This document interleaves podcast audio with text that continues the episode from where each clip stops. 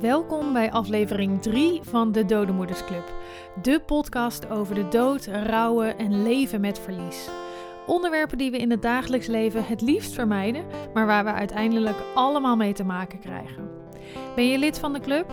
Dan hoop ik je met deze podcast een fijne plek te geven om je even terug te trekken, herkenning te vinden, te lachen, te huilen en je te inspireren om alsnog alles uit het leven te halen. Geen lid van de club?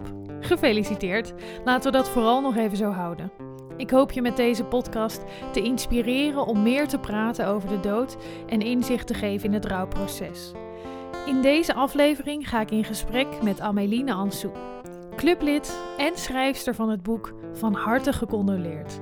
Het is een prachtig gesprek geworden, dus heel veel luisterplezier. Let's talk about death, baby. Let's talk about loss and grief. Let's talk about all the feelings and the struggles death can bring. Let's talk about death, baby. Let's talk about loss and grief. Let's talk about all the feelings and the struggles death can bring. Let's talk about death. Bij mij op de bank zit Ameline Ansou. Zij heeft op haar 23ste de moeder verloren en vier jaar later de vader verloren. Dus je bent niet alleen lid van de Dode Moedersclub, maar ook van de Dode Vadersclub. Het is een uh, slechte positie om in te zitten wat dat betreft. Je hebt een prachtig boek erover geschreven, van harte gecondoleerd. Iemand heeft het ook letterlijk tegen mij gezegd, tijdens ja? de condoleance. Dat is wel mooi, want dat beschreef je ook in het boek, dat het eigenlijk wel um, een officiële term is ook. Het wordt natuurlijk meer gerefereerd, of je, je linkt het meer aan van harte gefeliciteerd. Ja, van harte associëren wij in Nederland altijd met iets positiefs. Dus ja. het is, je, je zegt eigenlijk oprecht vanuit mijn hart gecondoleerd. Dus ja. daar is natuurlijk niks mis mee. Nee. Um, maar het wordt niet geadviseerd om dat te zeggen. En dat is voor mij ook een beetje de, ja, de, de knipoog, zo je wilt, naar het, het, ja. het, zware onderwerp, zoals we het graag zien. Ja, want het is een boek over rouw zonder zwart randje. Ja. En zo heb ik het ook ervaren toen ik het gelezen heb. Ik ga in deze podcast ook wat passages uit het boek aanhalen en het daarover hebben. Maar voordat wij beginnen, heb ik altijd twee beginvragen die voor iedereen hetzelfde zijn. En dat is allereerst, wat heb jij geleerd van de dood? Ik heb twee dingen geleerd eigenlijk over de dood. En het eerste is dat ik door dit verdriet mee te maken heel goed bijzaken van hoofdzaken kan onderscheiden. Ja. Dus er zijn heel veel dingen die, ja, klinkt misschien hard, maar waar, die ik gewoon niet meer belangrijk vind en waar ik dus ook geen aandacht aan besteed. Ja. Dus om een voorbeeld te noemen, bijvoorbeeld een paar jaar geleden werd mijn fiets gejat. En dat was echt iets waar ik vroeger dan enorm van kon balen en ja. schelden en tegen iedereen over, ja, over vertellen, klagen. van klagen, ja. vooral dat inderdaad. En dat, ja, dat, dat, dat is gewoon echt helemaal weg. Dus toen een paar jaar geleden mijn fiets werd gestolen, toen constateerde ik het. Toen dacht ik, oké, okay, hij is weg. En toen ben ik gewoon naar de fietsenmaker gelopen om een nieuwe te kopen. En ja. besteed geen ruimte meer of energie eigenlijk die ik wil verspillen aan, ja. uh, aan dat soort zaken. En een tweede ding wat ik wel heb geleerd is dat um, hoe veerkrachtig je als persoon bent of hoe ik veerkrachtig ik ben en hoeveel pijn je blijkbaar kunt verdragen. Ja, ja, dat heeft je verrast dus. Dacht je van tevoren, want jij wist al een tijdje uh, dat jouw moeder zieker werd. Mm -hmm. Had je van tevoren gedacht dat je het niet aankon? Of merkte je op een gegeven moment wel, volgens mij ga ik dit wel redden? Nee, ik geloof niet dat ik er ooit zo bewust mee bezig ben geweest. Maar als ik gewoon nu terugkijk, realiseer ik me wel hoeveel pijn ik heb gevoeld. Gewoon ook ja. fysiek. Ja. Pijn, hoeveel pijn het kan doen. Ja. En hoe veerkrachtig je lichaam dus is. Dus dat je er misschien wel even of tijdelijk of voor een langere periode aan onderdoor gaat. Ja. Maar ja, dan, dan daarna is er ook een daarna. En dat, Gelukkig, ja. Uh, ja, en dat uh, vind ik wel heel bijzonder van, van ons lichaam, dat dat kan. Ja, zeker. En jij noemt in jouw boek je, uh, het rouwproces een soort van mengelmoes aan gevoelens. Van heel erg pijn, verschrikkelijk verdriet, maar ook euforisch gelukkig. noem je dus echt heel veel extreme door elkaar. mijn tweede vraag is altijd, hoe zou je jouw rouw omschrijven in drie woorden? Ja. Want je hebt, je hebt, een hele mix aan gevoelens in je boek gezet. Ik ben ook wel ja, benieuwd hoe jij dat dan samen zou vatten. Ja, ik denk dat het ook afhangt van wanneer je zo'n vraag stelt. En ja. bijvoorbeeld nu, vorige week was het tien jaar geleden dat mijn moeder is overleden. Ja. Dus ik merk nu zelf dat ik echt in een hele andere modus ben dan een half jaar geleden bijvoorbeeld. Ja. Dus als ik nu rouw moet omschrijven, dan is het warmte, eenzaam en slapen. Warmte, eenzaam en slapen. Ja, als Mooi. ik mijn rouwproces zeg maar moet Ja. omschrijven. En dat was dus een half jaar geleden compleet anders geweest. Nou, ik merk dat eh, voor mij bij jubileum data komen alle gevoelens eigenlijk weer binnen zoals hoe het toen was. En daarmee komt dus ook de pijn veel meer naar boven. Ja. En een half jaar geleden was ik veel meer, ja, meer bezig wel met het gemis, maar ook met het delen van verhalen en heel veel leren van anderen. Ja. En het pijnlijke gevoel was daardoor minder aanwezig. Dus het, het is, nou eigenlijk net als ik in het boek beschrijf, het is gewoon alles continu door elkaar. Ja. Soms minder, soms meer. Grote chaos in je lichaam de hele eigenlijk tijd. wel. Ja. Ja. ja, En jij hoorde op hele jonge leeftijd eh, dat je moeder ziek was. Je was Mhm. elf toen, als ik het goed Ja. heb herinnerd. Wat heeft dat gedaan met jou en je moeder in die relatie? Want je was heel erg jong, je was echt nog een kind. En dan hoor je dat je moeder misschien gaat overlijden. Of was het niet zo heftig in jouw beleefwereld? Nou, mijn moeder heeft altijd gezegd van ik word beter. En ik heb haar daar ook altijd in, ja, ik heb dat altijd geloofd en ze Ja. is ook beter geworden. Dus eh, zij is behandeld tegen lymfeklierkanker toen ik Ja. elf was en heeft het twee jaar eh, ongeveer geduurd. En ze heeft een hele heftige behandeling gehad en de artsen hadden ook wel gezegd van nou mevrouw, de kans dat u beter wordt is klein. Eh, maar ze is wonder boven wonder wel hersteld daarvan. Onze band is altijd heel erg sterk geweest. Dat was hij al. ehm, en door de ziekte, ja, ik weet niet of, ja, ja, ik denk wel dat het sterker is geworden, maar meer Ja. omdat je als kind ook beseft van, oké, ehm, dit is niet de tijd om te gaan klagen over wat er op je boterham zit. Dit is Ja. de tijd dat je zelf je boterham smeert, bij wijze van. Dus ik Ja. ben wel jong zelfstandig geworden en ik heb ook altijd veel gedaan voor mijn moeder en in het huishouden. Ja. Ehm, met als gevolg dat ik bijvoorbeeld heel erg ging puberen op school. Omdat ik Oh, wist ja. van, oh ja, dit soort dingen moet ik niet bij mijn moeder doen thuis. Want Maar ja, het moet er ergens het uit. moet er wel uit. Ja. Ja. ja. Ja, dus jij verplaatste je puberteit naar school en thuis was je een soort van de voorbeeldige mantelzorger. Of ja, je was heel jong, dus mantelzorger kan je het misschien niet noemen. Nee, ik was toen geen mantelzorger. Ik ben wel mantelzorger voor haar geweest, Ja. maar dat was op latere leeftijd. Ja, toen ik begin meer, twintig eh, was. Ja, meer naar het, ei- naar het Ja. einde toe, laat maar Ja. zeggen. En vanaf welk moment wist jij op een gegeven moment dat zij kreeg door de behandelingen hartfalen meer richting het einde van haar leven? Wanneer merkte jij volgens mij gaat dit de verkeerde kant op? Volgens mij gaan we nu eh, de berg af, laat maar zeggen. Gaat bergafwaarts. Nou, ik heb altijd wel geweten dat ze niet oud zou worden. Dat, Ja. ja. Ja, dat heb ik altijd wel ergens beseft. Dus ergens in mijn achterhoofd ben ik altijd bezig geweest met... er komt een dag niet al te ver weg dat je haar uitvaart moet regelen. Ja.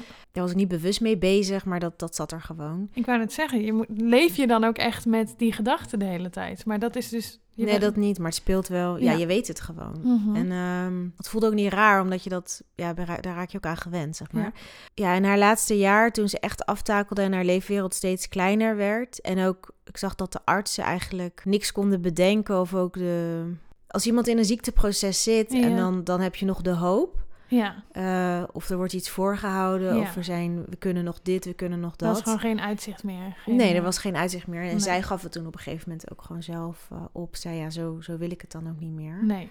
Ehm, dus dat was voor mij wel een moment waarop ik wist van, ja, dit, dit gaat niet meer lang duren. Nee, nu is het wel... eh, Ja. Nu is het einde ingezet. Maar dat was vlak op het einde, toch? Dat jij echt omschreef in je boek ook dat je in het zorghotel zat. En dat je moeder zei... eh, van ja, volgens mij... eh, Ja, nou, dat, nou. ik wist het al wel eerder. Ik denk, mijn moeder is in eh, september 2010 eh, naar het, voor het laatst opgenomen, zeg maar, in het ziekenhuis. ja, En daar is ze tot december, ze is toen niet meer thuisgekomen en ze is in december 2010 overleden. ja, En ik wist gedurende die hele periode wel, nou, ik wist in ieder geval dat het niet beter zou worden.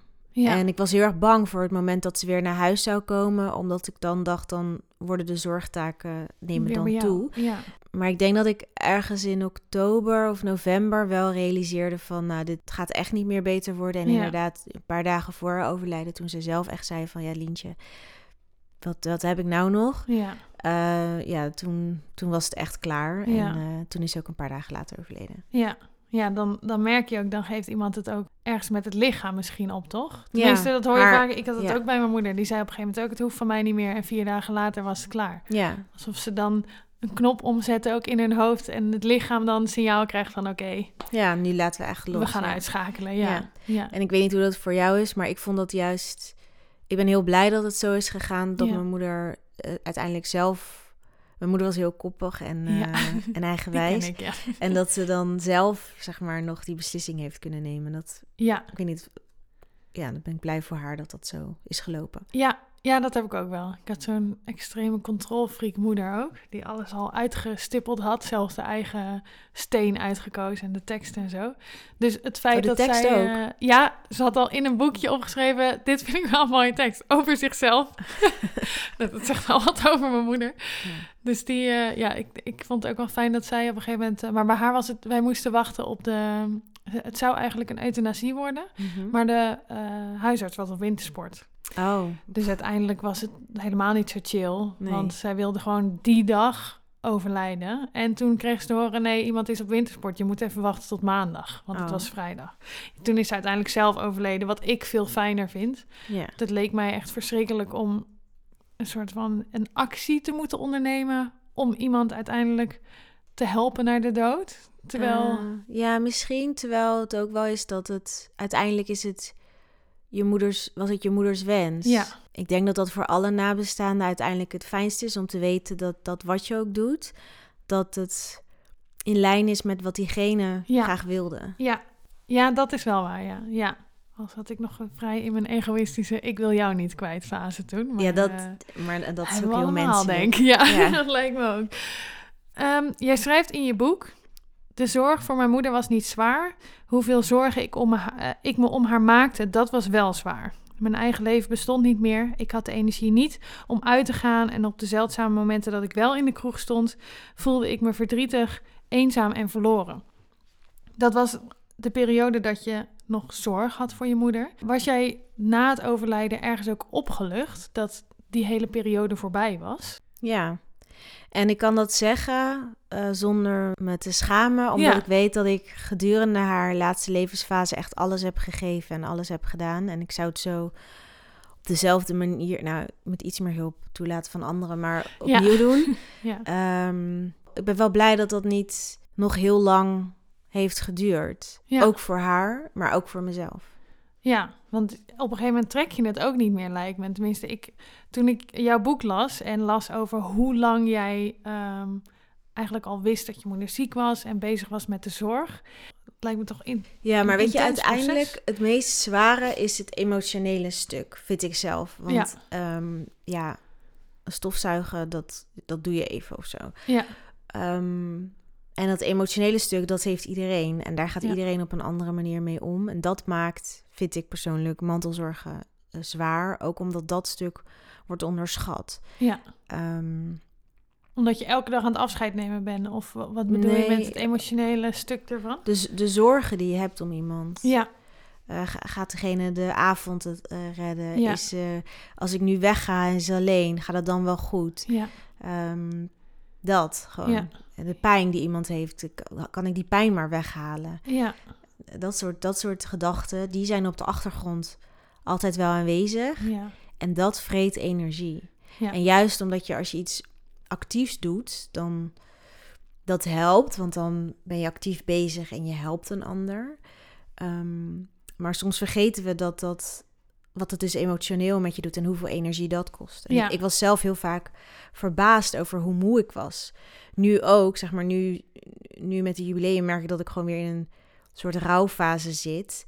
En eh, dat ik heel snel moe ben. En dan denk ik, ja, van wat ben ik nou moe? Want heb, wat Ja. heb ik nou in vredesnaam gedaan? ja. En dan, ik- ja, ik zeg ook, ik vind dat het fascinerende van ons brein en tegelijkertijd een, eh, een valkuil van het laat je heel veel dingen vergeten. ja. Dus ik vergeet elke keer weer dat het energie kost. ja. En ja, ik heb er een heel boek over geschreven. Ja. En dan nog is het elke keer weer dat ik denk, oh ja, ja, dat is logisch. Het Ja. is niet gek dat je nu moe bent of zo. En ik denk dat dat ja, voor heel veel fases geldt. Ja. Ehm, Ja, en dat, dat je soms ook niet door hebt dat het eigenlijk rauw is. Heb je dat ook wel eens? Dat je dan. Ik heb wel eens dat ik heel boos ben of heel eh, moe ben ineens. En dat ik denk, hé, wat gek. Ik ben helemaal niet druk geweest. En dat ik dan daarna pas realiseer van, oh ja, Ja. we zitten rond moederdag. Ja. Of, oh ja, eh, ik heb net een podcast opgenomen. Ik ben Ja. ook altijd moeier na podcastopnames. Omdat ik ergens dan, ik hoor jouw verhalen aan. Ik heb van tevoren natuurlijk nog een keer je boek gelezen. En dan, dat brengt weer allemaal dingen naar boven. Ja, zeker. Ik had ook toen ik, want ik heb voor het boek dan een jaar lang gesproken met mensen die net als ik jong boven de kist van hun vader of Ja. moeder hebben gestaan. En eh, ik, ik stapte daarin met het idee van, nou, ik heb journalistiek gedaan, ik eh, doe even een interview. Lekker afstandelijk. Even, nou, niet per se afstandelijk, maar wel dat ik dacht, Dit eh, kan ik. Dit kan ik. Ja, En het eerste gesprek was ontzettend mooi, maar het was, ja, was op een vrijdagochtend. Ik ben naar huis gegaan. Ik geloof dat ik zondagmiddag weer een beetje Oh, ja. onder de mensen was of zo. ja, En daar, dat wordt wel minder. Eh, Maar ik wist ook inderdaad van, oké, ik moet niet... Dat zei ik ook tegen de mensen zelf, van plan niet die avond nog vol met allemaal ja, feestjes of wat dan ook. Het is Ja. fijn, als, als het kan, prima. Maar het is ook fijner als je gewoon rust hebt, zeg maar. Of als je die rust kunt pakken, dat je niet iets hoeft af te zeggen. ja. Omdat, ja, je hebt het nou eenmaal niet over puppies. En het brengt ook eh, ja, je eigen verhaal en eigen gedachten en herinneringen terug. ja. En dat ehm, vind ik nu achteraf gezien echt een zegen. Of echt iets waar ik heel veel aan heb gehad. Door het schrijven van het boek. Zeg maar. Ja. Door al die verhalen. Bedoel, Dan verwerk je het ook weer voor jezelf, een stukje. Of... ja, als bonus. En dat is helemaal niet de reden waarom ik ermee ben begonnen. Nee. Vooral omdat ik zelf een boek miste over rouw eh, voor die leeftijdsgroep. Daarom ben ik Ja. ermee begonnen. En wat ik ook... Kijk, alle tips die erin staan, dat zijn niet mijn tips uit mijn koker. Dat is, het is echt een verzameling van alle gesprekken die ik heb mogen voeren. Ja, heel divers ook. Dat vond ik heel mooi, ja. Ja, maar ja, het kost wel... eh, het kost echt wel energie. Ja, Maar dat geeft niet. nee, nee dat, dat hoort er ook bij. Ik heb nog een stukje waarvan ik dacht, daar wil ik het even met jou over hebben. Ehm, dat is het stuk dat jij met je, eh, met je moeder in het zorghotel zit en dat ze zei, kijk nou naar mijn lintje, wat heb ik nou nog om voor te leven? Was jij bang om verder te moeten leven zonder je moeder? Had, je, had, jij, had jij angst voor het leven na haar dood? Ik denk het niet. Ik merk nu dat eh, best wel veel mensen die vraag stellen, eh, vooral mensen van wie een ouder nog ziek is. Ja, Ik denk niet dat ik daar angst voor had, maar dat komt denk ik ook omdat ik zag hoeveel pijn ze had. ja, Ehm, en ook omdat ik gewoon wist dat het onvermijdelijk was. Dus dat ik dan denk ik hem meer had omgebogen naar, oké, hoe ga je dat dan doen? Verder zonder haar. ja. In plaats van de angst. Omdat, ja, omdat ik wist, ja, dat, het gaat toch gebeuren. Ja, zo. je kan er toch niks meer aan doen. Nee, dat besef was bij mij wel. Dat besef had ik wel. Ja. Ja, want je hebt soms ook, dat, dat omschreven ook een paar mensen in jouw boek, die ouders hadden ehm, verloren op afstand. Dus door een bootongeluk of eh, met de MH17-ramp. Mhm. die moesten echt nog zien dat iemand overleden was. Wilden ze dat echt ehm, Geloven. geloven, ja. Ja. Ik kan me voorstellen dat dat helemaal zo'n situatie dat je het niet gelooft. Maar er zijn ook heel veel mensen die het wel hebben gezien en nog steeds in hun hoofd het idee van, oh, maar ze kan nog elk moment binnenkomen lopen. Of misschien, misschien heb ik het allemaal gedroomd, of is het niet waar? Was jij heel snel in de realiteit, of zat jij ook nog een beetje in dat eigenlijk willen vergeten wat er allemaal is gebeurd? Ja, het liefst wil je alles vergeten. Ik heb, ik heb wel, ik heb een paar jaar na haar dood, toen eh, liep ik stage ergens en we hadden echt een hele toffe dag gehad en waren op bezoek geweest bij de burgemeester en ik zat echt helemaal vol van alles. En ik Ja. herinner me dat ik dacht, oh, ik ga straks mijn moeder bellen om het te vertellen. Ja, En dan een seconde daarna het besef van, oh nee, dat kan niet meer. En dat Ja. je dan echt op dat moment, ehm, ja, was ik echt gewoon vergeten dat ze was overleden. Dus dat is dan wel, ehm, ja, ik denk wel, ik weet niet, maar dat is ook wat ik bedoel met dat het een proces is wat gewoon oneindig lang doorgaat. Dus misschien heb je dat in de weken er- daarna, maar het kan dus ook een paar jaar later zo zijn. Ja. En ik moet wel zeggen dat het besef van, oh nee, dat kan niet meer, die pijn, ja, dat wordt wel minder. ja, ja, maar het blijft een pijnlijk moment natuurlijk. Als Ja. je bedenkt, ik heb echt, ja, precies hetzelfde. Dat je af en toe dacht, oh, ik ga nu mijn moeder bellen. Toen wij dit huis kregen, het akkoord, toen dacht ik ook, oh, ik moet mijn moeder bellen. Ja, En ja. dan het moment daarna is gelijk een soort van instortmoment, had Ja. ik dan ook, ja. En dat, dat vind ik dus ook echt het kloten aan rouw. Is dat iets wat heel vrolijk is, kan dan in één klap een soort schaduwzijde hebben. Ja. En dat is vond ik zelf heel lastig als nabestaande, omdat je dan denkt, oh, ik wil niet dit moment voor een ander verknallen. Ja, ja. Maar ja, het zit er wel. En dat heeft het boek, me, of, hebben de mensen uit het boek me wel geleerd, dat je daar wel eerlijk en open over mag zijn. Zeg maar dat die twee Ja. dingen best naast elkaar kunnen staan. Of dat, Dat je op zo'n moment ook mag benoemen ja, wat van- je voelt in de negatieve zin, bijvoorbeeld. Ja. ja.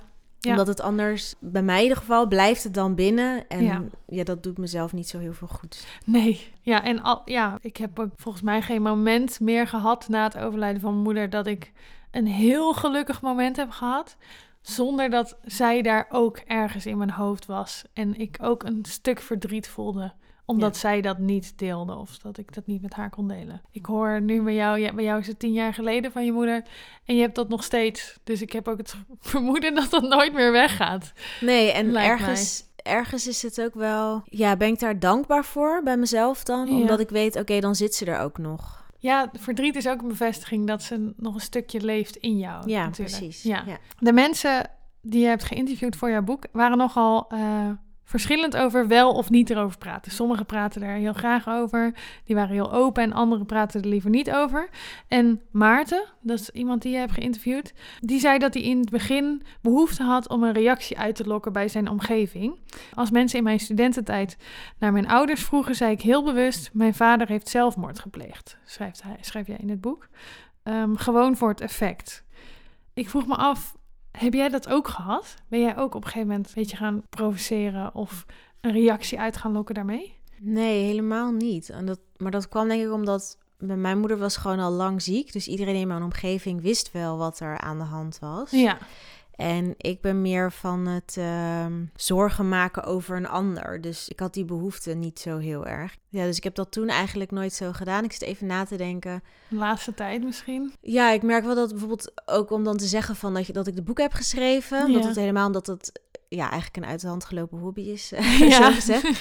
Dat ik dat nu wel vaker gewoon hardop zeg. En dat ik dan dat ik weet van oh, ik moet even mensen de ruimte geven. Want het is nogal wat in één zin. Dat Ja. je een boek schrijft omdat beide ouders jong zijn overleden. Ja, En dat ik wel denk van ja, maar it is what it is. En voor mij is het rot. ja, Ehm, dus jij went daar maar aan. ja. Nou, dat is ook wel iets wat ik geleerd heb van de mensen uit het boek. Dat je daar wel, dat je daar wel open over mag zijn. Ja, dat je daar ook dat je niet altijd rekening hoeft te houden met andere eh, gevoelens van anderen, maar dat je ook vooral even bij jezelf mag blijven qua gevoel. Ja, en ik denk dat ik dat had opgevat als ik moet nadenken over de gevoelens van een ander. Maar daardoor vulde ik het ook in voor een ander. Want het kan Ja. ook zijn dat iemand denkt: oh, oké, ja, stoer dat je dat hebt gedaan. En Ja. verder niks. heel tof. Ja, heel tof. Terwijl ik het invul als een, oh, dat zal diegene wel zwaar vinden. Of die zou uit het veld geslagen zijn. En ja, dat is zo doodvermoeiend als je continu... Moet je trouwens nooit doen voor mensen, maar Nee. als je dat allemaal invult en rekening mee houdt. Want dan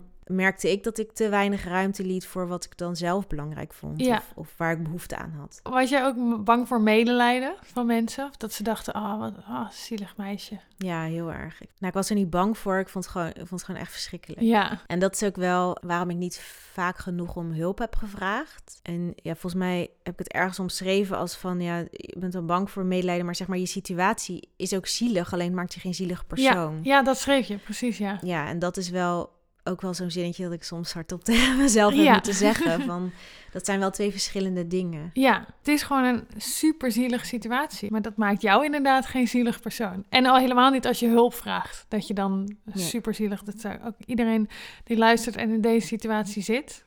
Vraag vooral hulp bij je omgeving, toch? Ja, en ook laat het toe. Ja. Want vaak eh, hoef je er niet eens om te vragen, maar zijn die mensen er al. Nee. Alleen weet je niet zo goed hoe of durf je het niet te accepteren. Ja, Nou, dat is echt zonde, want het is ook, mensen willen vaak wel iets voor je doen. ja. Dus geef hen dan ook de ruimte om dat te doen. Ik kan me voorstellen, tenminste, ik zit aan mijn eigen beginrouwperiode te denken. Want dan zijn mensen er nog heel erg. En op een gegeven moment ebbt dat een beetje weg. Tenminste, bij mij was het heel erg in het begin waren vriendinnen er heel erg en familie er heel erg met eten en hulp en steun. En ik ging heel snel in de doorwerkperiode. En eigenlijk een paar jaar daarna zakte ik een beetje mijn rouw in. Ja. Maar ja, toen was iedereen alweer, had iedereen het eten al langsgebracht en al gezegd, eh, bel me als je me nodig hebt. Toen vond ik het wel lastig ook om te zeggen, ja, überhaupt dat ik nog hulp nodig had of zo. Ja. Maar erover beginnen is natuurlijk stap één. ja, want eigenlijk heb jij het signaal afgegeven dat je geen hulp meer nodig hebt. Ja, Dus dan is het ook logisch dat een ander dat niet meer aanbiedt. ja, En dat is ook wel wat ik heel moeilijk vind en confronterend ook soms eh, als nabestaande. Maar wel ook dat ik me wel heb gerealiseerd, met name door met heel veel omstanders te praten, is dat wij als nabestaanden ook echt wel een aandeel hebben eh, In, eh, dit, ja. dit alles. Ja. Weet je, je- je- hoe moeilijk het ook is, hoe beter je zelf kunt aangeven waar je wel en geen behoefte aan hebt. En Ja. ook als het antwoord is, ik weet niet waar ik behoefte aan heb, vraag het me morgen alsjeblieft nog een keer of over twee maanden ja, hoe beter omstanders er voor jou kunnen zijn. ja, Want hoe beter je als nabestaande daarin richting kunt geven, Ja. Ja. hoe beter het voor iedereen is. ja. Ja, en daar open over blijven praten, merk ik ook dat sinds ik deze podcast begonnen ben, praat ik ook met mijn omgeving weer veel opener over mijn rouw en hoe dat nu nog zit. En heel veel waren er überhaupt niet van bewust dat ik nog steeds rouw. Ja, Die dachten, ja, maar dit is al nou, zeven jaar geleden, nu bijna acht jaar geleden. Dus die is er al overheen. Of ja, er overheen denken ze dan ook niet, maar in ieder geval dat het niet meer zo'n groot aandeel is in je leven. nee, maar dat komt dan waarschijnlijk ook omdat jij het er niet vaak over sprak. Nee, ja. Ik ben helemaal niet. Ik, ik kom open als een heel over, open persoon, hoor ik altijd. Maar ik ben helemaal niet open. Ik zal niet zo snel vertellen hoe ik me voel. Of dat ik eh, net nog heb staan huilen onder de douche of zo. Terwijl dat doe ik nu makkelijker als Ja. ik praat met mensen die het ook mee hebben gemaakt. Zo. Ja. Dat maakt me ook wel opener. Ja. Maar dat zal jij ook gehad hebben met je boek, inderdaad. Ja, en vooral zeg maar de, de erkenning Ja, en de herkenning van, oh, ik dacht dat ik dit in mijn eentje had, ja. maar we zijn met heel veel. Ja, ja, dat is super fijn, ja. Jij schrijft in het boek dat het ook niet ongewoon is om tijdelijk te leven in extreme. En Bob zegt, je moet het gewoon doen wat je fijn vindt, ook al is het stom of ben je tijdelijk een losgeslagen projectiel. Het is meer als een flipperkast. Af en toe zul je tegen de randen aanknallen. In welke extreme heb jij geleefd of leef jij af en toe nog met je rouw? Ik geloof niet dat ik echt iets extreems heb gedaan. Ik, maar dat komt ook omdat na mijn moeder had ik een burn-out en na mijn vader een, eh, raakte ik in een depressie. Ja, Dus mijn lichaam was ook gewoon op. extreem. Ja, dat is ook extreem, ja. Ja, dat is best wel Ja. extreem. Ja, oké, fair enough. Ja. Nee, maar dus ik was gewoon fysiek echt niet in staat om iets Nee. te doen. Ik was gewoon helemaal gesloopt. Ik heb alleen maar geslapen. En eh, Ja. ik heb in het jaar van mijn, na de dood van mijn vader echt bewust ook een jaar lang geen alcohol gedronken. Omdat Oh, ja. ik dacht van, ik wil niks verdoven of zo. Ik wil Ja. alles. Ik was heel bang om een vlak persoon te worden. Dus Oh, eh, het is. maar waar kwam die angst vandaan dan? Nou, dat is, ja, eh, Julia Samuels heeft het daarover. Die zegt, als je in rouw bent, dan heb je vaak dat je de pijn niet wil voelen Ja, en niet toelaat. Dus dat je daarvoor afstoot. Maar een, een gevolg daarvan is dat je ook vrolijkheid niet meer helemaal en geluk niet meer kunt Ja. voelen. Dus dan wordt het een beetje vlak. ja, Dat kan een keuze zijn, of dat kan ook een tijdelijke eh, houding zijn om overle ja, overlevingsmechanisme. En ja, ik zou ook echt willen tegen iedereen eh, willen zeggen: doe vooral wat bij jou past. Maar ik was heel erg bang om dus zo heel vlak te worden. Dus Ja. ik dacht, nou ja, dan moet je ook maar gewoon echt door die pijn. ja. Niet per se een aanrader. nee. Dat was echt op genoeg momenten echt eh, niet leuk. Maar uiteindelijk ja, heeft het me wel gevormd tot wie ik nu ben. Ja. En kan ik me dus ook wel echt weer intens gelukkig voelen. Dus, ja, dus voor doordat mij je heeft door dat- die pijn heen bent gegaan Ja, eigenlijk. Dus, Ja. dus voor mij heeft het gewerkt. Maar ja, het is zeker niet een blauwdruk die eh op iedereen nee. van toepassing is. Maar dat is sowieso met alles wat Ja. we delen. eh, niet, niet één op één kopiëren als het niet goed voelt. Dat is Zeker. Al, allereerst heel belangrijk. Eerst voelen en dan gaan doen. Heeft bij jou ehm, therapie ook geholpen in je rouwproces om echt diep te kunnen gaan in die emoties? Dat je daar begeleiding bij had? Ja, voor mij wel. Maar ik ben echt pro, eh, pro Petra's. Want ik noem Ja. dus therapeuten altijd Oh ja, eh, Ik had Bert. Petra's. Ja, oh, had Bert, ja. Ja. ja. ik vind dat een handige trick. Doordat je dus niet... eh, ja, dan kan je in het openbaar vragen van... Goh, hoe is het met je Petra? In plaats van dat je zegt, hoe is het bij je therapeut? En dat Ja. dan iedereen weet waar Ja, want dat is de truc, hè? Je geeft hem een naam. Je therapeut geeft je een naam. Een man Ja. of een vrouw een naam. Ja. Eh, jij had Peter en Petra, toch? Ja, ja, Ja. ja. Dus je noemt Dat was en dan, één persoon. Het was gewoon één persoon. En ook omdat als je dan wisselt van iemand, dat is voor de buitenwereld gewoon nog dezelfde. ja, Dus gewoon nog steeds met Peter. Petra. Ja. En ehm, ja, ik kan therapie echt aan iedereen aanraden. Ja. En ook wel, en dat vond ik wel heel mooi, dat zij ook ehm, een van de sprekers in het boek, die zei wel van ja, als een man, en die zei ja, weet je, je zit daar wel voor jezelf. Ja. Dus als je geen klik hebt met de persoon, eh, ga dan vooral op zoek naar een ander. Ja. En, zo. en schrijf niet het hele therapie af. Maar je spreekt dan gewoon hardop uit van... oké, ik voel geen klik met, Ja. met jou of met u. Ik ga op zoek naar een ander. Ja, want diegene had er drie gehad, toch? Voordat hij bij de... Ja, ja, Dus dat kan gewoon. Dat en je kan kan, er ook zes hebben gehad, of tien, of vijftien. Ik heb ook mensen eh, gehoord die er acht hebben gehad. Of gewoon zijn geswitcht. Want dat heb je natuurlijk ook. Op een gegeven moment kan je een jaar in therapie zijn bij iemand... en dan ineens behoefte hebben aan iemand anders. ja, ik heb dat zelf ook gehad. Maar dat was meer omdat ik van vorm switchte. En daar Ja. was dan een ander persoon, eh, een andere Petra in gespecialiseerd. Ja, ja. Eh, dus zodoende ging ik toen door naar een ander, inderdaad. En Ja. ik had nooit mezelf weer kunnen zijn zonder de hulp van professionals. Nee. En ik vond dat vroeger echt iets.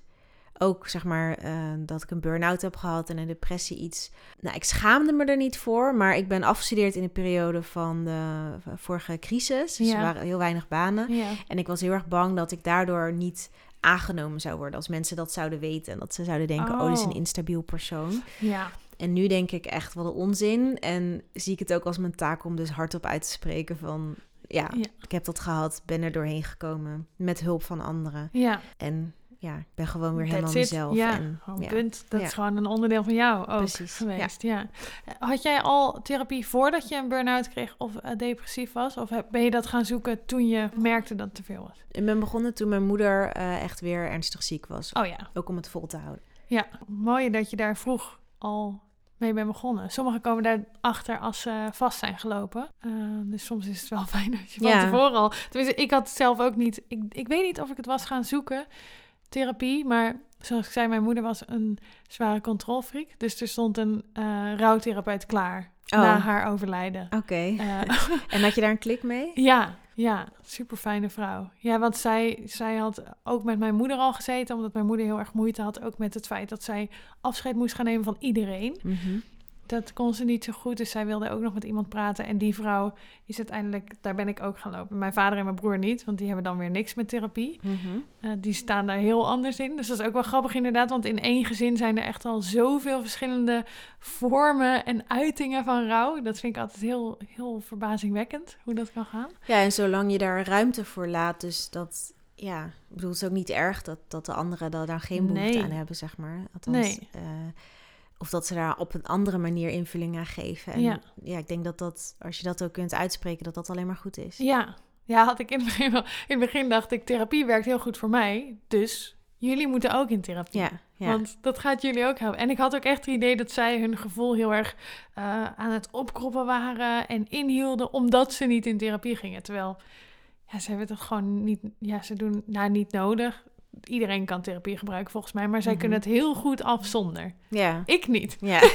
Zoals mijn moeder al wist, waarschijnlijk. Die dacht, "Hmm, misschien fijn al iemand klaar te zetten die goed is.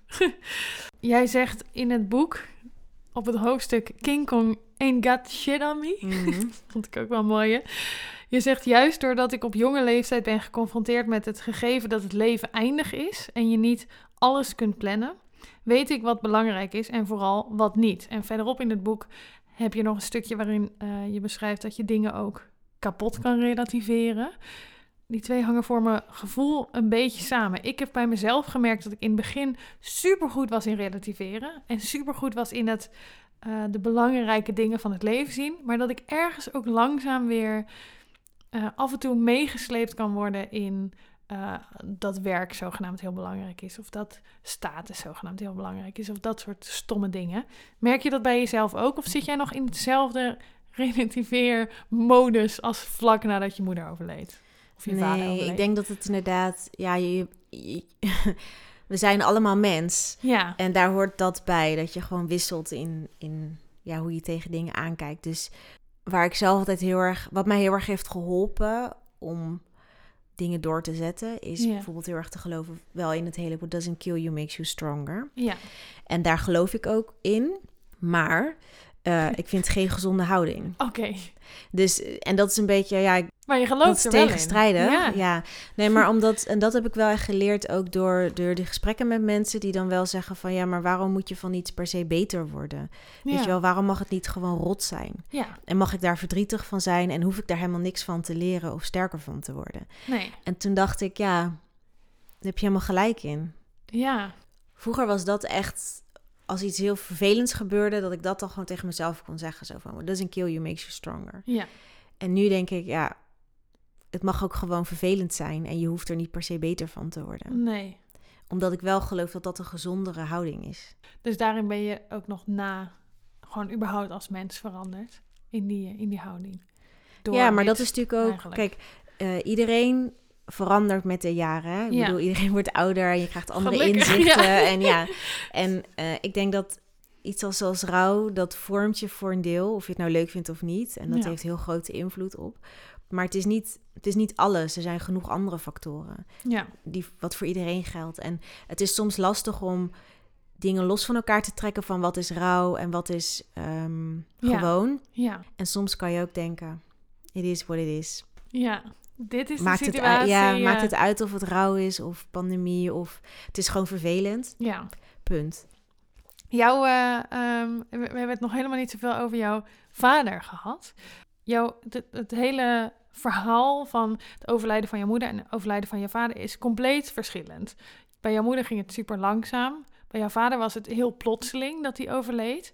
Jouw vader overleed in een heel ander land, überhaupt. Jouw moeder overleed in Nederland en jouw vader overleed in West-Afrika.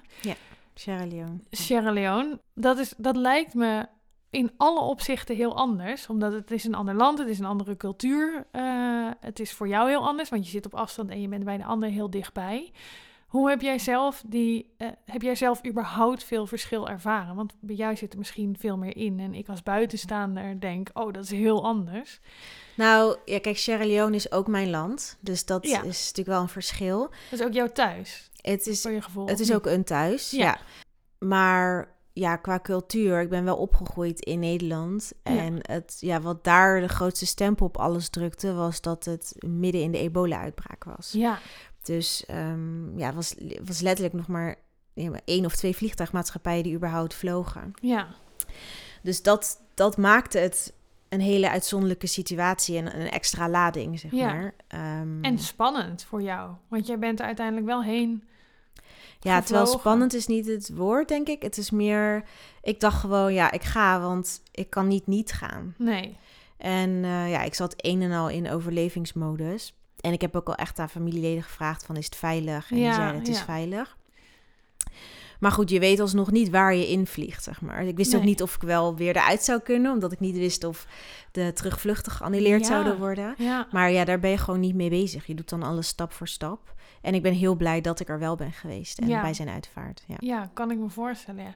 En heb je dan nog dat je verschil hebt gemerkt in de uitvaart? eh, ik heb een beetje over gelezen in jouw boek. De uitvaart van jouw moeder en je vader. Ja, die was echt heel, heel verschillend. Sierra Leone is, is een uitvaart heel groot. En iedereen...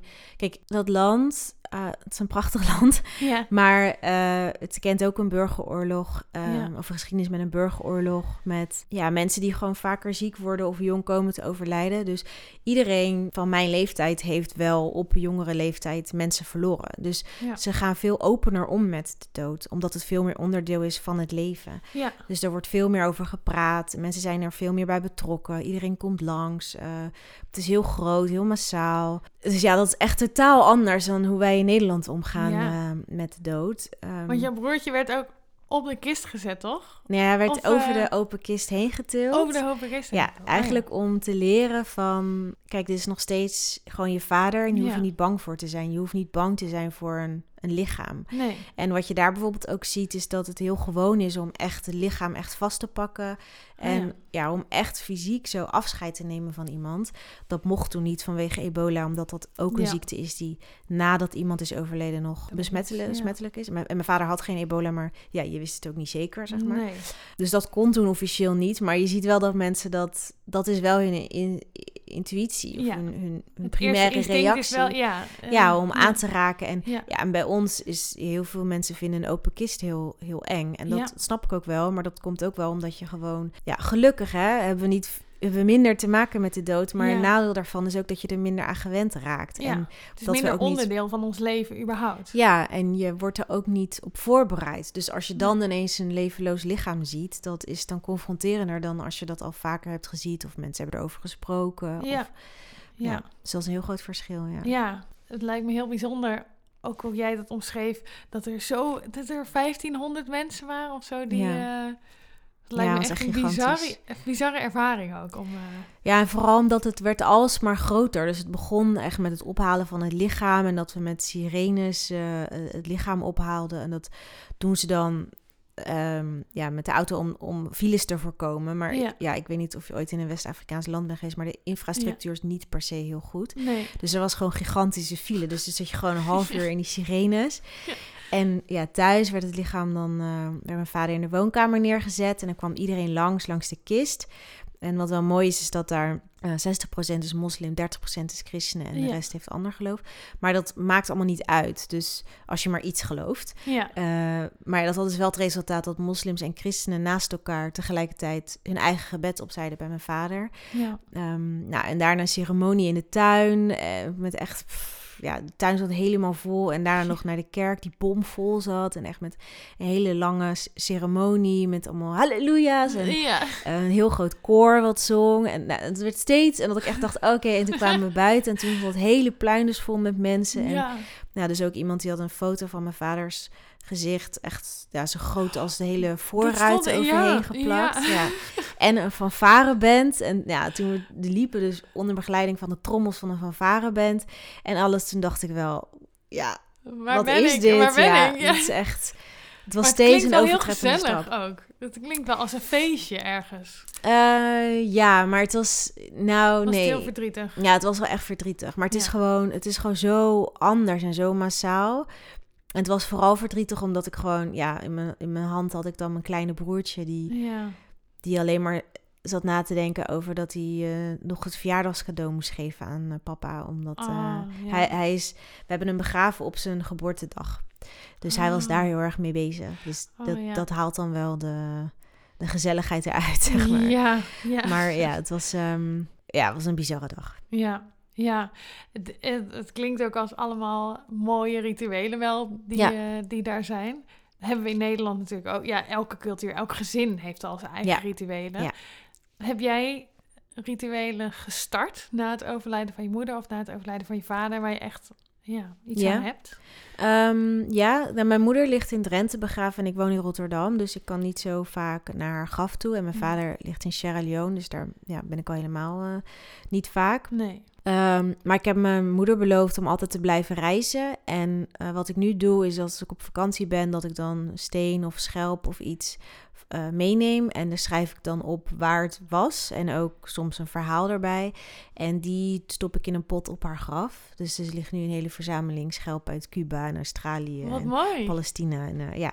Dus dat, dat, dat is voor mij echt een hele mooie manier om ja, haar daarbij mee te nemen. Ja. En een ander ritueel is, dat heb ik eh, van iemand vanuit het boek eh, eh, meegekregen. En dat is een gebruik waarbij je op oudjaarsdag een kaars brandt en een glas water neerzet. Voor, eigenlijk voor iedereen die is overleden. Oh ja. En op 1 januari was je je gezicht met dat water.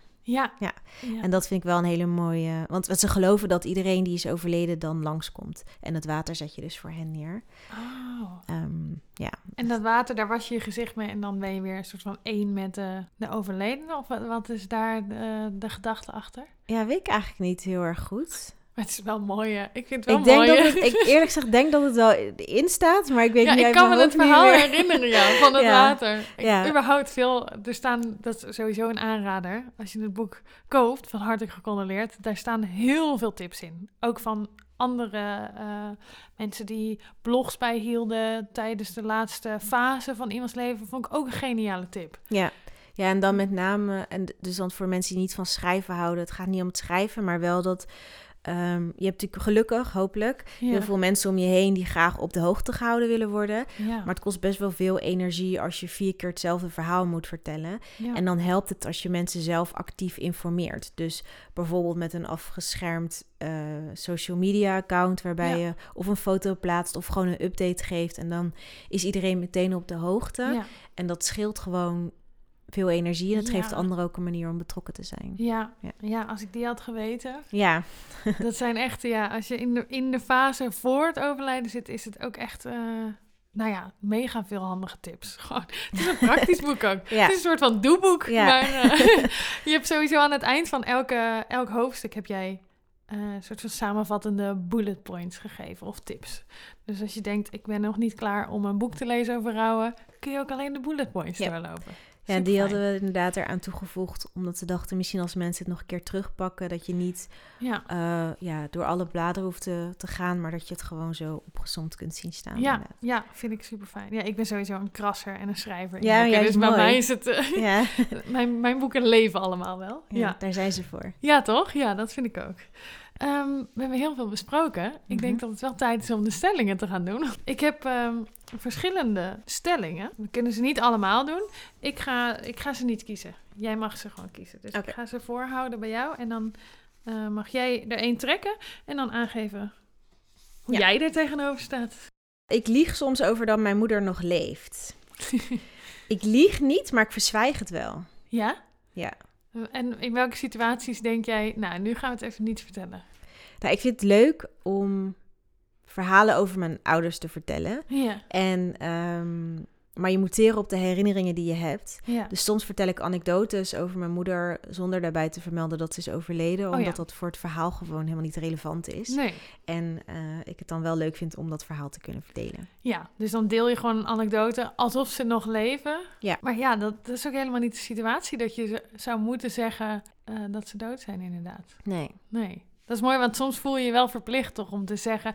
Ik heb altijd wel ergens, vooral als ik nieuwe mensen ontmoet, dat ik denk... Dan gaat het onderwerp soms naar ouders toe en dan denk ik... Oh, er, er komt nu een moment dat ik moet gaan bedenken... Ga, ga jij zo in mijn leven eh, verweven worden dat het gek is als ik nu niet meld dat mijn moeder Ja. niet meer leeft? Ja. Want bij sommigen kan je inschatten van, ja, deze, deze mensen, die spreken waarschijnlijk toch niet meer. Dus Ja. dan laat ik het lekker achterwege. Maar ik heb ook wel eens gehad dat ik het heb verzwegen. Dat zo'n persoon vaker terugkwam in mijn leven. En dat, en dat ik toen al had gedaan alsof ze nog leefde. En dan Oh. krijg je een hele ongemakkelijke situatie. Ja. Dat je ergens dus verderop in een vriendschap of in een soort van relatie moet gaan zeggen... Oh ja, eh, by the way, ik heb gedaan alsof mijn moeder nog leeft, maar die leeft niet meer. Oh ja, nee, dat, ja, maar dat, ja, maar dat lijkt me best wel veel energie kosten. Ja. Ja, want dan ben je echt actief aan het liegen. Ja, dus dan, ik, ja, ik heb dan meer, voor mij is meer de afweging van, eh, als iemand zegt, eh, bijvoorbeeld als iemand zegt van waar wonen je ouders, ja, dan zeg ik wel mijn ouders leven niet meer. Ja, Dus ik lieg nooit. Maar als Ja. het niet het nodig niet te is of benoemen. hoeft, dan ja. kan ik er, kan er wel omheen eh, praten. Ja. of zo. Maar ik zou zelf dus ook nooit de vraag stellen aan iemand van wat doen je ouders Nee, meer of zo. Nee. nee, nee, ik ook niet. Nee. Ja, en ik kan nog. mijn vader leeft nog, dus als iemand vraagt waar wonen je ouders, dan gaat mijn vader gewoon door voor twee, laat maar zeggen. Nou, dat, dat, maar dat is wel, ik hoor het dus wel heel vaak bij mensen dat ik denk, oh, volgens mij is een van de twee er niet meer. Omdat als iemand zegt, oh, en je ouders, en dan zegt iemand, mijn vader dit. Ja, ja. ja. En dan inmiddels, omdat ik zo vaak gesprek heb gevoerd, dan denk ik, oh ja, dan Ja. is er Ik waarschijnlijk... hoop eh, dan ook altijd dat mensen de hint vatten als ze vragen naar mijn ouders en ik praat alleen over mijn vader, dat ze snappen. eh, waarschijnlijk Ja, is er iets... hoeven we eh, niet naar de moeder te vragen. Ja, ja. Kan ook om vanwege ruzie zijn natuurlijk. Hè. Ja, niet per se iemand is Ja. overleden, maar... In ieder geval geen contact. Ja, Ja. grappig. Oké. Deze. Ik vond dat anderen te snel doorgingen na het overlijden van mijn moeder. Nee, ik, heb, ik heb, ben wel echt blij met mijn vriendengroep die nog steeds echt wel bij stilstaan. Maar nogmaals, ik had ook een burn-out daarna. Dus ik heb een paar maanden gewoon, was ik echt volledig out of running. Dus het zou ook heel raar geweest zijn als mensen daar overheen waren gestapt. Als mensen dachten, ja, maar nu is het klaar. Ja. Wat ik wel merk is dat ik bijvoorbeeld op 11 december, dat is dan de sterfdatum van mijn moeder, Ja. dan, nou, nu ook zijn we bij mijn moeders graf geweest. En dan zit ik zelf wel in een modus van, oh, het moet toch wel gezellig zijn. En dan hebben we het over van alles. En dan stort ik vaak dag daarna juist Ja. in. Omdat dat toch dan weer heel veel energie kost. Ja. En dat ik het dus zelf heel moeilijk vind om toch op die dag te zeggen... oké, ik wil eigenlijk nog iets meer stilstaan hierbij. ja. Het klonk ook, wat ik in je boek las over de vrienden die je had, als super fijne vangnet wat Ja. jij hebt. Die je ook nog appen. Dat was, dat was echt het moment dat ik jaloers was toen ik jouw boek las. Mhm. Omdat jij een stukje had dat je zei, ik vind het wel fijn dat ze nog appen eh, op de overlijdensdag of Ja. de sterfdag van ik denk aan je. Ik had dus dit jaar voor het eerst dat eh, twee van mijn goede vriendinnen, waarvan ik verwachtte dat ze zouden gaan appen, me niet hadden geappt. dat deed echt veel meer pijn dan ik had verwacht. Ja. Dat ik dacht, oké, maar voor, voor jullie is ze nu dus echt dood. Heb je Eh, er iets van gezegd? Ja, tegen één wel en tegen de ander niet. De een begon er zelf over. Oh, wat Die had er daarna door dat dat... dat eh, toen had ik wel eerlijk gezegd van ja, ik heb vandaag even geen... eh, of ik was van de week even niet zo lekker, want sterfdag van mijn moeder. Toen was het, oh shit. Dus dan kreeg Ja. je hem achteraf. Ja. Ergens voelt dat dan ook niet helemaal... eh, ik, ik vond het nog moeilijk om te zeggen. Dat ik dacht, oké, maar dan ga ik nu een soort van... Zo met het vingertje naar iemand van je hebt niks gestuurd. Terwijl, ja, het lost in principe niks op natuurlijk. Maar het is gewoon fijn om te weten dat mensen ook nog met je moeder Ja. bezig zijn of met je vader. Ja, ik herken dat wel hoor, want ik heb dat zelf ook. En ik heb dit jaar wel weer heel veel meer berichtjes gekregen, omdat heel veel mensen het boek hebben gelezen. Ja, ja. Ook gedurende het jaar dat mensen zeiden van... ik wil even checken, wat is de sterfdatum, zeg maar. En dat is helemaal prima, want ja, je kan niet... net als alle verjaardagen van alle kinderen die worden geboren... dat kan je allemaal niet onthouden en dat, ja, dat, dat hoeft ook helemaal niet. Nee. Maar ja, ook wel van mensen die dat dan niet hadden gedaan... en dat ik ook mezelf echt wel heb gedwongen om daar dan wel wat van te zeggen. Ja. Omdat ik denk, je kan niet erover schrijven en tegen anderen zeggen wat ze wel moeten, wat, wat je kunt aanraden en dan niet dat advies opvolgen. Ja. Maar dat is en blijft heel moeilijk. ja. ja Terwijl het niet zou hoeven zijn, want ja, Nee, nee, ergens niet. Maar ergens is het ook gek om... Want ja, ik, ik ben zelf ook een persoon die alle verjaardagen vergeet. Dus ergens voel ik me dan ook niet de persoon om dan te zeggen... hé, hey, hallo, je bent de sterfdag van mijn moeder vergeten. Maar ja, wat Het je al zei, het is wel belangrijk om aan te geven wat je nodig hebt. ja, Oké, je mag er nog één drukken. oké. Ik draag nog kleding van mijn moeder. Nee, ik heb wel kleding van haar in de kast hangen. Ja, Eh, ik draag wel de ring van mijn moeder, ja. maar geen kleding. nee. Bewust of het past niet of je vindt het niet mooi? Nee, het is niet helemaal mijn stijl. maar ik zou het nooit wegdoen. Ja. Nee, ja. nee. Ik vertel nieuwe mensen die ik ontmoet dat mijn moeder is overleden. Eh, ja, wel vaak omdat mensen nu vragen van, goh, wat doe je? En dan zeg ik wel dat ik een boek heb geschreven. En dan Ja. is het een beetje inherent. Dat is wel een makkelijke manier ook voor jou, lijkt me. Om te zeggen, hoe deed je dat voordat je een boek had geschreven? Nou, niet omdat het dan eigenlijk bijna nooit... Ja, je hebt het niet zo heel snel over ouders of zo. Nee. Dus dan is het gewoon een onderwerp wat niet ter sprake komt. En dat is ook wel wat ik een beetje gek vind. Of wat eigenlijk mijn missie is om rouw en de dood beter bespreekbaar te maken. Is dat het voor een persoon zelf heeft het zo'n invloed op je leven. Ja, Dat het eigenlijk best wel gek is dat je het daar nauwelijks over hebt. ja, dat zouden we meer mogen doen, ja. Ja. Ja, ik heb nu de podcast, dat scheelt. Mhm. Daar kan ik, dat kan ik misschien gaan gebruiken als eh, bomdropper. Maar Ja. ik heb wel eens dat, eh, dat er mensen aan me vragen... Ik had dat toen ik bij de radio begon eh, te werken... en dat iemand na een half jaar vroeg... willen je ouders niet een keer langskomen in de show? Oh ja. En, ja. want, eh, oh nee, wil je moeder niet een keer langskomen? Want mijn vader was langs geweest en mijn broer was langs geweest... en mijn vriend was langs geweest. En iedereen dacht natuurlijk, waar blijft je moeder? Ja. En daar had ik het nooit over. Ik vind dat moment dat je dan moet gaan droppen... mijn moeder is dood of het is heel lang geleden, maar mijn moeder is overleden. Dus je kan het nooit... Ik, ik heb nog geen manier gevonden om die informatie over te brengen... zonder dat iemand gelijk zegt... Oh, het spijt me. Of zich gelijk heel erg schuldig voelt eh, dat ze het nog niet weten. Ik zeg ook heel vaak gelijk erachteraan... Oh, nee, is niet erg hoor. Terwijl, het is wel erg. ja, maar het is natuurlijk... Kijk, het is erg dat je moeder is overleden. Maar het is niet Ja. erg dat iemand... Als jij het niet vertelt, dan kan een ander het ook niet weten. Nee. Ik denk dat het ook wel menselijk is dat mensen een soort van schrikken... of denken van, oh, wat naar... of ik weet Ja. even niet wat ik moet zeggen. Ik bedoel, dat is toch ook niet... Dat is niet heel gek. Nee, ik denk dat het vervelender zou zijn als iemand zou zeggen... oh, wil je nog koffie? Ja, Weet je Oh, wel? oké. Dus, Nou, ja, dan niet. ja dus, dus wat dat betreft... ehm, Ja, is wel logisch, ja. Maar Ja. daar heb jij dus geen last van gehad? Van, Ja, zeker wel. Maar nu, nu omdat je gewoon... Ik begin over het boek en dan... Ja, ik weet niet. Ik ben, denk ook dat ik er meer gewend aan ben geraakt of Ja. zo. misschien moet ik het nog vaker doen, dat ik eraan gewend raak. Ja ik, weet, ja, ik weet ook niet of je het... Het hangt ook af van wat je zelf wil. Ja. Ja, ik merk dat ik soms dus heel erg naar eh, de manier van Maarten neig eh, Mhm. uit het boek. Dat ik het soms ook lekker vind om het op een hele harde manier te zeggen. Om dan ook een reactie uit te lokken bij mensen. Maar dat is vaak bij mensen die dan op een manier vragen... of die al op een manier met me omgaan dat ik denk... ik vind jou niet helemaal tof. Ja, Dus dan, dan gooi ik er maar heel hard in. ja. En mensen die ik wel heel eh, goed aanvoel of denk, oh, ik vind jou super fijn, daar ben ik dan liever dat ik het onderwerp vermijd eigenlijk. Oh, ja. Dus hoe verder ze van me afstaan, hoe makkelijk het is. Ik deel mijn rouw graag met anderen. Ja en nee. hebt een boek ik, geschreven, heb, maar... ik heb een boek geschreven, ja. Maar ik heb het boek niet geschreven omdat ik mijn verhaal per se wilde delen. Maar Nee. meer omdat ik ja, de verhalen miste. Ja. Maar ja, ik heb het wel vaak over rouw, maar ik heb het niet per se heel vaak over mijn eigen moeder of vader of zo. Nee. Dus het is een beetje een dubbel, eh, Ja, een dubbel iets. deel- je, je wil wel dat rouw bespreekbaar wordt. Ja, en Maar- ik praat er ook over. Ja. Over rouwen. Over rouwen. Maar ja, ik heb ook wel gehad dat mensen soms dus echt hele persoonlijke vragen stelden over mijn ouders. En dat Ja. ik dan denk, nee, want dat komt nu te dichtbij, zeg maar. Oh ja. En dat is eigenlijk ook, ja, nou ja, in het hele alles. De ene keer wel, de andere keer niet. Ja. Gaat Ja. alle kanten op. ja, als ik jou hier morgen op de bank had gehad, had het alweer een heel ander gesprek kunnen zijn. toch? Zeker, ja. Misschien had je dan gedacht, ik heb hier helemaal geen zin in. We zijn echt al mega Ja. lang in gesprek, dus ik ga hem afsluiten. Ehm, ik vraag altijd aan het eind nog een tip, eh, eigenlijk drie tips. Mhm. Dus een tip voor iemand die door een rouwproces gaat. Wat jij daarvoor advies voor zou willen geven. Of ja, iets wat je kwijt zou willen aan diegene. Mijn tip zou zijn, je mag benoemen als iets te veel is. En als voorbeeld, ik eh, was uitgenodigd voor een, eh, een baby shower van iemand. Ja. Superleuk, maar ik trek het momenteel echt niet om drie generaties eh, bij elkaar te zien. Of Nee. een aanstaande oma die heel blij is met haar aanstaande Ja. kleinkind.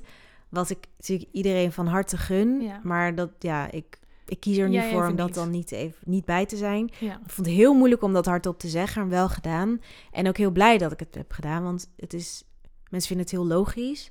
En niemand neemt het ook kwalijk. Nee. En het tweede was van een boek, hè? Ja, ja, een boek en een, en een luistertip. Ja, ik moest wel lachen om de vraag van het boek, omdat ik dus juist zelf een boek heb geschreven, omdat ik zelf een boek miste over rouw Ja. eh, zonder zwart randje. Eh, en ik zelf eigenlijk vrij weinig boeken verder heb gelezen over Ja. rouw. En eh, Dus dit, dit jaar zijn, ja, ja, en dit jaar zijn er gelukkig heel veel boeken verschenen. En die ga ik ook zeker allemaal lezen. Maar ik bewaar ze op mijn lijstje van wanneer ik zelf als nabestaande er behoefte aan heb. Ja, En niet vanuit professionaliteit, eh, Nee. omdat ik met rouw bezig ben. Dus ja, die hou je van het goed. ja. En het nummer is Ja. ehm, A Day for the Hunter van Leila Kam- Makalla. Oh, wauw. Het klinkt, de naam klinkt al mooi, maar ik ken het nummer niet. Nee, het is een eh, zangeres uit Haiti. En ja, ik vind het gewoon een heel mooi, mooi nummer. Is dat dan ook een nummer waar je eh, lekker op gaat om te huilen? Of is het gewoon een nummer wat je kracht geeft? Ik vind het gewoon een mooi nummer en ik luister er graag naar. En het is ook een nummer wat ik graag zelf later op mijn eigen uitvaart zou willen spelen. Oh, wauw. Dat is helemaal eh, bijzonder. Ik ga hem luisteren en toevoegen aan de Spotify-lijst. Ik vond het super fijn om in gesprek te gaan met jou. Ik heb het echt ervaren als, nou, een kwartiertje. We Ja. zijn al langer dan een uur in gesprek. Voor iedereen die geluisterd heeft en denkt, ik, ik wil hier meer over weten, meer over jou weten. En vooral jouw boek lezen, van harte gecondoleerd. Eh, kan je overal verkrijgen, maar via jou, hoorde ik net, Mhm. vond ik heel jammer, eh, krijg je een gesigneerd exemplaar en kan je ook nog een boodschap erin laten zetten. Yes. Dus ik zou zeggen, doe dat vooral via Ameline zelf. Eh, mensen kunnen jou vinden op Instagram, Instagram, denk ik. Ja. ik zal jou ook even linken. En dan eh, zou ik zeggen, ontzettend bedankt. Yes, graag gedaan. Jij ook bedankt. Let's talk about death, baby. Let's talk about loss and grief. Let's talk about all the feelings and the struggles death can bring. Let's talk about death, baby. Let's talk about loss and grief. Let's talk about all the feelings and the struggles death can bring. Let's talk about death.